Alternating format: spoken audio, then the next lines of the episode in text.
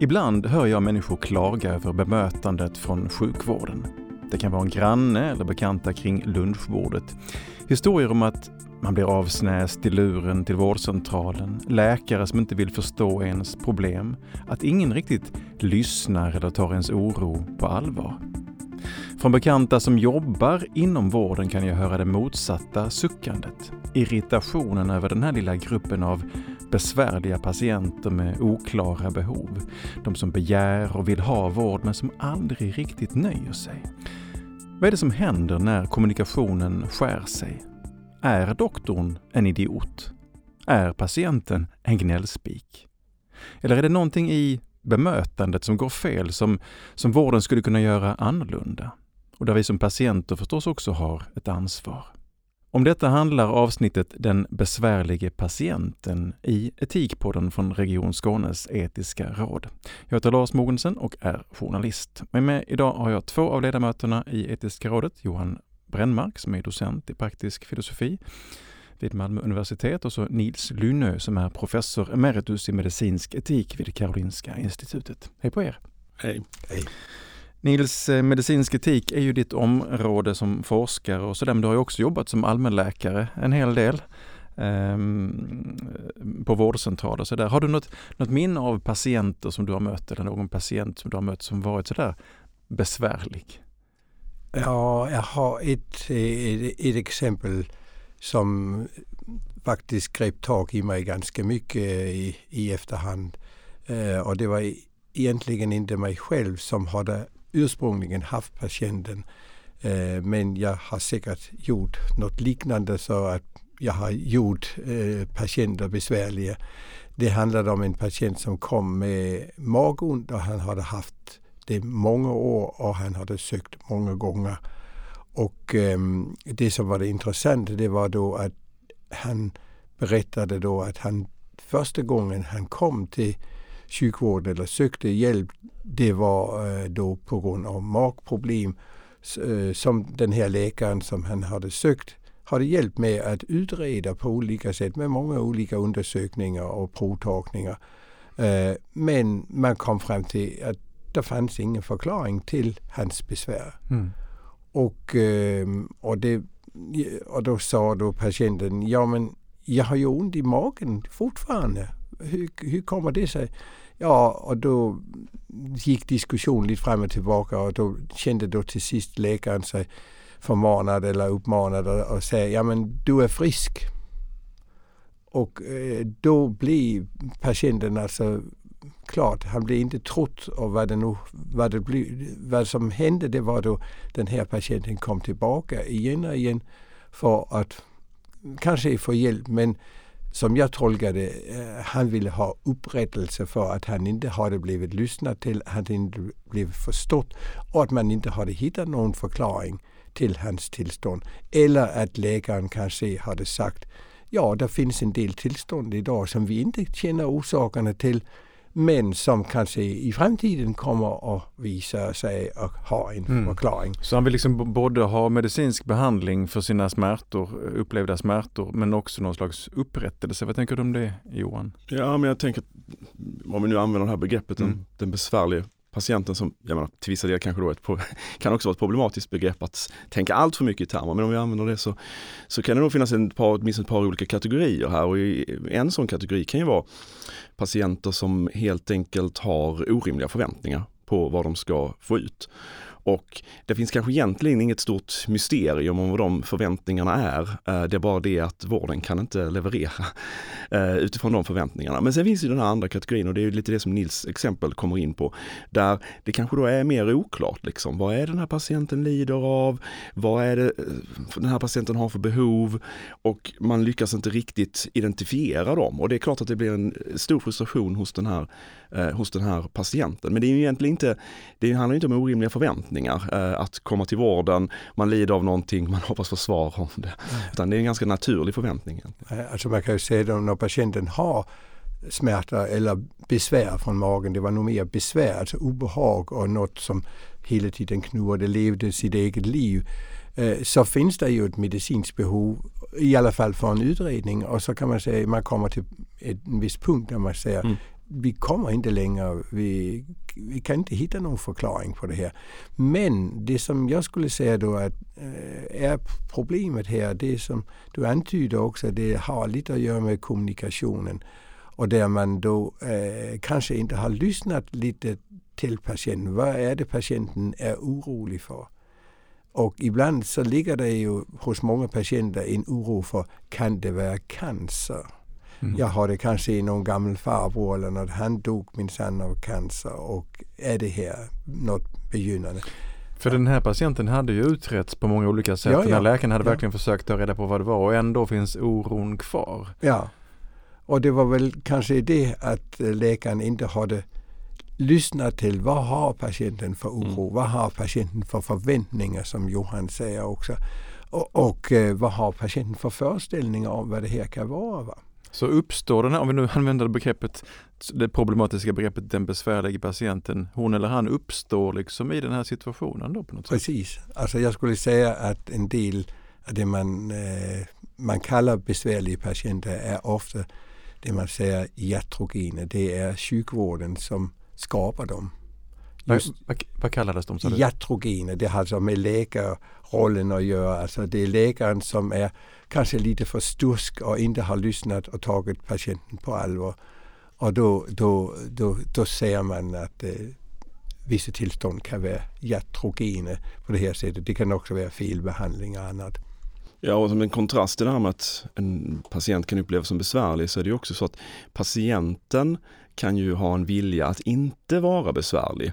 Och mm. den kan också skapa problem i kommunikationen. För det kan vara mm. precis som Nils tog upp att det kan finnas en typ av oro som patienten mm. har. Men patienten kanske tycker att ah, det här är lite fånigt att ta upp. Mm. Eh, jag vill mm. inte liksom bara vädra all min oro. Och då finns det behov där som läkaren skulle kunna möta om det kom upp på bordet. Men kanske en vilja att inte vara besvärlig gör att man inte säger de här sakerna. Mm. Så att, att liksom göra, att kunna etablera en öppen kommunikation där den oro som patienten har är någonting som man kan diskutera. Mm. Det är liksom väldigt viktigt för att förebygga att man sen hamnar i en situation där patienten känner sig eh, missförstådd eh, och, och, och, kanske försummad. Av, av Eller till och med dum. Det kan ju också vara så. Det, det, det, jag skulle bara säga då att det ofta är så att man rekommenderar att man ska liksom ha en öppenhet, lyssna till patienten, invitera patienten till att berätta och om patienten berättar och kanske eh,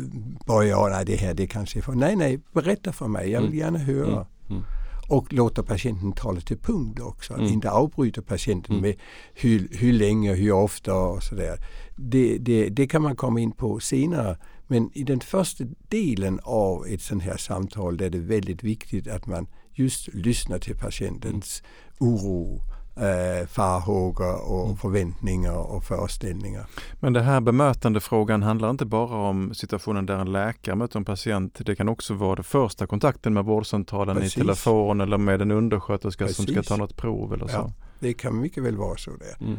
Och det kan det ibland vara så att eh, personalen stressad så kan det bli eh, bekymmersamt bekymmersamt. Det är lättare det uppstår. Patienten är ju alltid den som kommer och söker hjälp eh, i de flesta fallen. Ibland är patienten påläst innan men, men, och vet vad man vill ha. Men, men, eh, men stressmoment kan också bidra till det.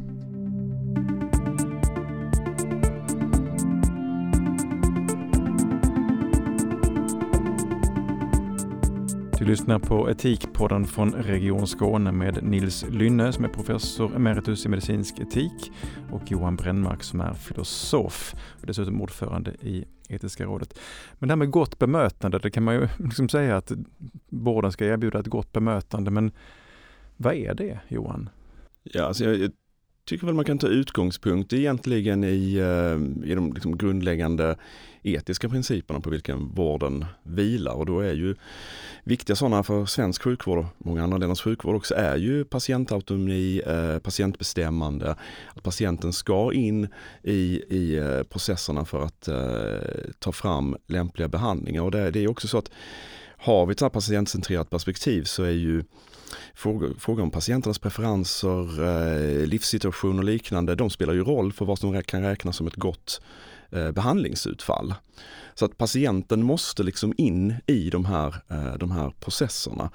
Och då, då, kan man säga att det är de etiska principerna och sen är kommunikation någonting annat. Men jag skulle nog säga att de där glider över i varandra. Mm. För hur bemöter man någon med respekt? Jag menar, det är fint som ett abstrakt värde men rent konkret så handlar det ju om små detaljer, hur man talar, hur man lyssnar.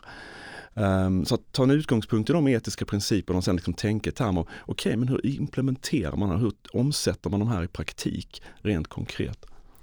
Om man skulle säga då att eh, den etiska principen att försöka göra gott och den andra att undvika att skada.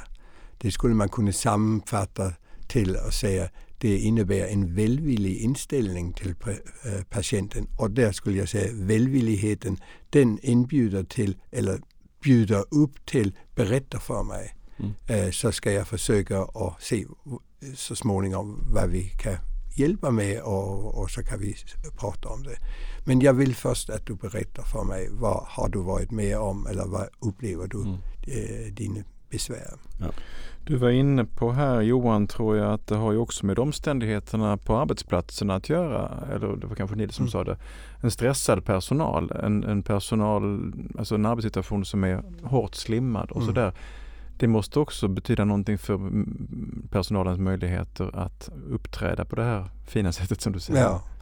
Jag, jag skulle säga det finns en föreställning om att skulle man exempelvis tillämpa ett patientcentrerat förhållningssätt som är den här välvilliga ingången Eh, så tror man det är något som tar väldigt lång tid och man tänker att allt det här mm, babbelpatienten berättar så det har ingen rele medicinsk relevans. Men det tar inte den, alltså när patienten får lov, man har gjort sån här inspelning, det tar högst två minuter att eh, låta en patient få berätta eh, uh, o, eller obruten och där läkaren kanske, eller personalen ibland kan säga berätta mer om det, det och det. Eller, och då kommer man oerhört långt. Och man, är, man kommer mycket längre också när man sedan ska diskutera vad ska vi göra. Va? Då, då vet eh, ett annat, ett annan viktig aspekt i det här samtalet det är att man sammanfattar vad patienten har sagt. Hur då? Ja, alltså, om, om, ja, jag hör du har ont i magen. Det låter väldigt besvärligt och du har haft det sies, eller alltså sammanfatta mm. vad patienten just har berättat och du orolig. Ett kvitto på att du har fattat ja, vad jag säger? Liksom. Ja, inte bara fattat, att jag faktiskt har lyssnat. Mm. Och om jag faktiskt har lyssnat och patienten får en uppfattning av det så vet patienten också att patienten har blivit tagen på allvar. Mm. Och det, det är oerhört viktigt i det här sammanhanget. Och det kan man, man kan ju vända om också. Eh, patienten kan ju också berätta, sammanfatta vad läkaren har sagt sedan när läkaren gör sin bedömning. Och så har man en förhandlingssituation och det är vad ska vi göra, vad ska vi nu göra med det här? Är det en, ett, ett sätt som används att eh, jag som läkare frågar dig som patient, okej okay, hörde du nu vad jag sa om ditt ja, magont? Ja, ja. eller man har en kontrollfråga också, det, det är lite, lite smartare sätt att göra det. Det är att säga, vad går du hem och berättar för din fru nu eller din mage? Va? Så, så då, då, och då kan du få ett kvitto på att mm. eh, patienten faktiskt har förstått vad du har sagt. Och mm. då har man alltså ett mycket bättre utgångspunkt för att få en vällyckad behandling också. Johan Brännmark, hur tänker du om detta med att, att förebygga de här besvärliga patienterna eller förebygga att det blir grus i maskineriet? Ja, alltså jag menar, for, forskningen kring, kring vikten av god kommunikation i vården, alltså den är rätt entydig. Så att det, det, är, eh, det är bättre resultat helt enkelt man får genom eh, god kommunikation. Det är liksom mer nöjda patienter, bättre behandlingsutfall, eh, patienterna följer behandlingarna bättre, färre återbesök, färre sjukdagar. Så att jag menar, kan man ha god kommunikation så är det så mycket som finns att vinna på det. Och sen är det klart att det finns inte hur mycket tid som helst i vården. Jag menar, jag skulle säga att tid är en sak. Ehm, stress kan nog vara eh, liksom ett, ett större problem på sätt och vis. Alltså den upplevda stressen, men den är ju verklig den mm. upplevda stressen. För att jag menar, en sak som stress gör med oss när vi försöker kommunicera, det är att vi snabbt försöker få saker på plats, stoppa in i kategorier. Så ofta går vi in i situationer, och det gäller även vårdpersonal, med vissa färdiga kategorier där saker oftast hamnar. Och om man gör det i mötet med en patient inte har det här öppna, lyssnande förhållningssättet, då är ju risken att patienten också just läser av det och känner att jag har redan blivit instoppad in i en box nu. För den som sitter i telefon på en vårdcentral har en lista som bara växer på folk som ska ringas upp och så har mm. de en patient som bara vill dra runt sin, sitt, mm. sitt problem. Mm. Eller du som läkare vet att du har 10 minuter med den här patienten och mm. nu är vi uppe på 16 liksom. Hur, eh, mm, mm. Du säger det tar bara två minuter att lyssna av. Men... Att det är ju genomsnitt, ibland kan det vara någon som har en längre historia också. Men men vanligtvis så skulle jag säga att det går mycket snabbare än man tror. Det är många som har frågat, ja men det har vi inte tid med här. Om det är på akuten eller på äh, kirurgen eller, eller kardiologen. Äh, det, sånt har vi inte tid med. Vi ska bara ställa medicinska diagnoser. Men det är, jag tror att det är mer och mer klart för de flesta att det är inom alla specialiteter. Det här är inte bara något från, för allmän medicin på vårdcentralen. Det gäller alla det är oerhört viktigt att man ja, lyssnar. Och det, det, här är, jag skulle säga det gäller inte ens bara vården utan det nej, gäller liksom nej. oerhört eh, många verksamheter där eh, många möten lider av dålig kommunikation så tillvida att det är en mötestid och sen slutar den och då mm. slutar man prata ungefär. Ja ett bra möte ska liksom alltid sluta med att liksom sammanfatta. Var Precis. landar vi och mm. vad händer nu? Ja. Så att ofta kan ju patienter gå från eh, en läkartid och inte riktigt veta Nej. vad händer nu. Nej. För att plötsligt tog tiden slut, eh, de kanske inte riktigt tänkte på de frågor de ville ställa och så vidare. Så att, mm. liksom, och det är mer en fråga om hur man strukturerar den mm. tid man har ja. än liksom att man måste ha massor med, eh, massor med tid. Vad säger ni om, om eh, patienter som har konsulterat Dr. Google och vet allt om sina, sina besvär och ställt sin egen diagnos när hon eller han kommer och, och träffar mm. dig som läkare. Eller där jag uppfattar mig själv som kund. Jag, jag, jag har rätt till den här vården och ge mig den nu annars så, mm. så blir det mm. bekymmer. Ja, jag, jag, skulle säga då, det, det är för en del är det väldigt provocerande. Och kanske speciellt yngre läkare så säger man, vad, vad ska jag göra nu här? Jag, patienten har själv ställt diagnosen och själv vet vilka utredningar man ska göra. Och så där. Man känner sig nästan lite, lite provocerad av det. Men jag skulle som äldre läkare så skulle jag säga, vad bra du har läst på vad bra du har gjort det. Det är fint. Ska, nu ska jag undersöka det också så ska, vi, så ska vi se vad vi kommer fram till, vad som ska göras. Men, men eh, just om det finns ett medicinskt behov. För det, det är som Johan säger, så patientens rätt att vara med och bestämma. Jag ska inte säga att man är inte kund, men för det, det, det beror ju på om det finns ett medicinskt behov. Och mm. medicinskt behov det är om det är något som för till att patienten får det bättre livskvalitetsmässigt eller när det gäller medicinska åkommor man kan bota äh, sådär, så, så, eller förebygga. Så, så är det väldigt viktigt att patienten är medveten om också att man har rätt att vara med och Fast, bestämma. Vad skulle ni säga då, om det nu verkligen har skurit sig? Vi har en patient, patient som känner sig helt missförstådd, osedd, felbehandlad, doktorn hör mig inte mm. och så vidare. Hur tar man sig upp ur det hålet? Johan? Ja, alltså det är ju inte, det är naturligtvis inte helt enkelt och det beror ju på, på eh, den konkreta personen mm. man har framför sig. Jag menar ibland så kan det vara så att byte av person som interagerar med den här patienten, om det är möjligt, kan vara ett sätt att komma ur det. För att menar, om två personer har hamnat i en situation där som blir så negativ, då är det, det kan vara svårt att eh, kommunicera, börja, plötsligt börja kommunicera väl då.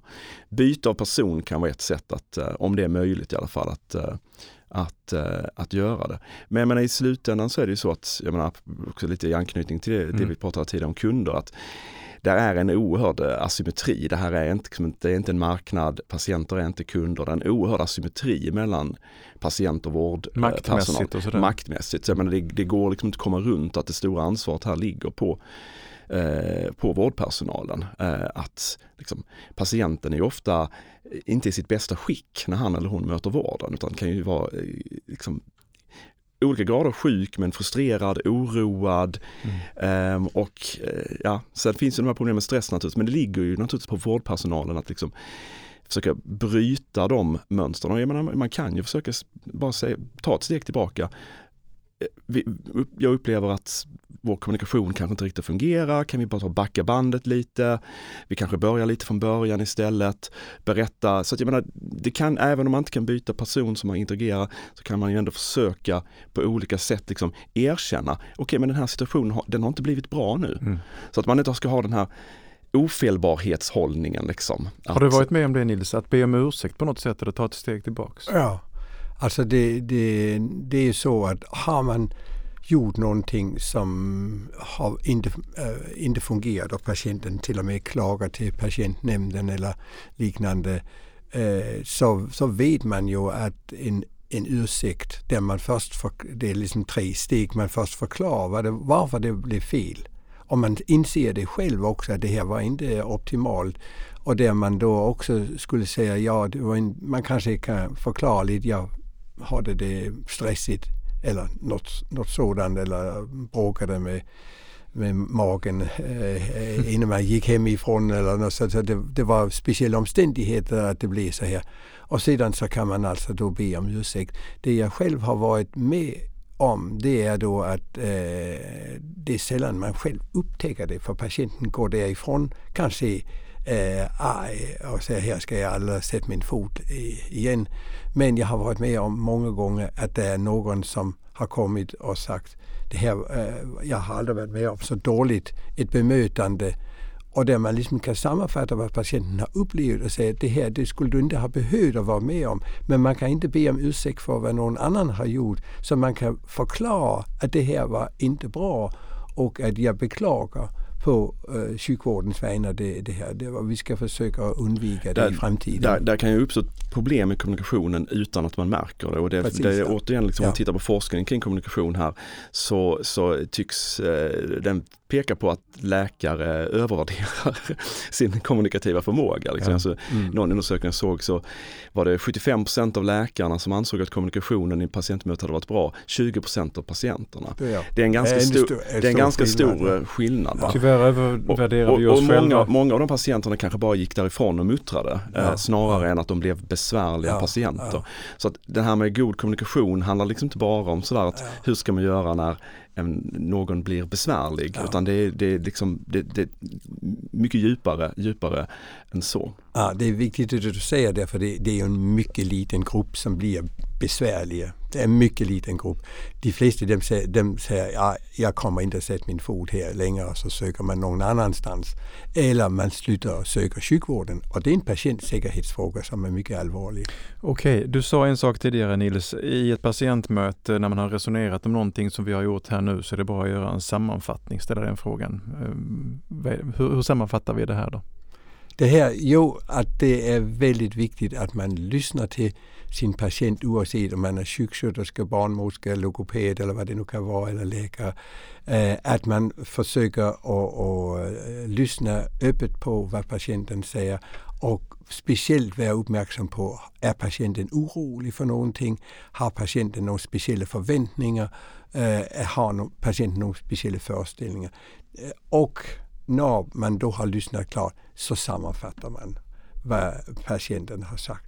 Då kommer man väldigt långt. Så kommer man in på den mer medicinska delen och så kommer den gemensamma delen var patienten och sjukvårdspersonalen förhandlar om vad som ska göras. Så avslutar vi det här avsnittet av Etikpodden. Tack så mycket Nils Lynne som är professor emeritus i medicinsk etik vid Karolinska institutet och som sitter med i Etiska rådet. Och så ordföranden i samma råd som är Johan Brännmark, docent i praktisk filosofi. Utöver Etikpodden så arrangerar Etiska rådet seminarier och kurser. Mer information om detta finns på hemsidan. Har du frågor, synpunkter eller önskemål om kommande avsnitt så skriv ett mejl till etiskaradet snabel Tack för att du lyssnade.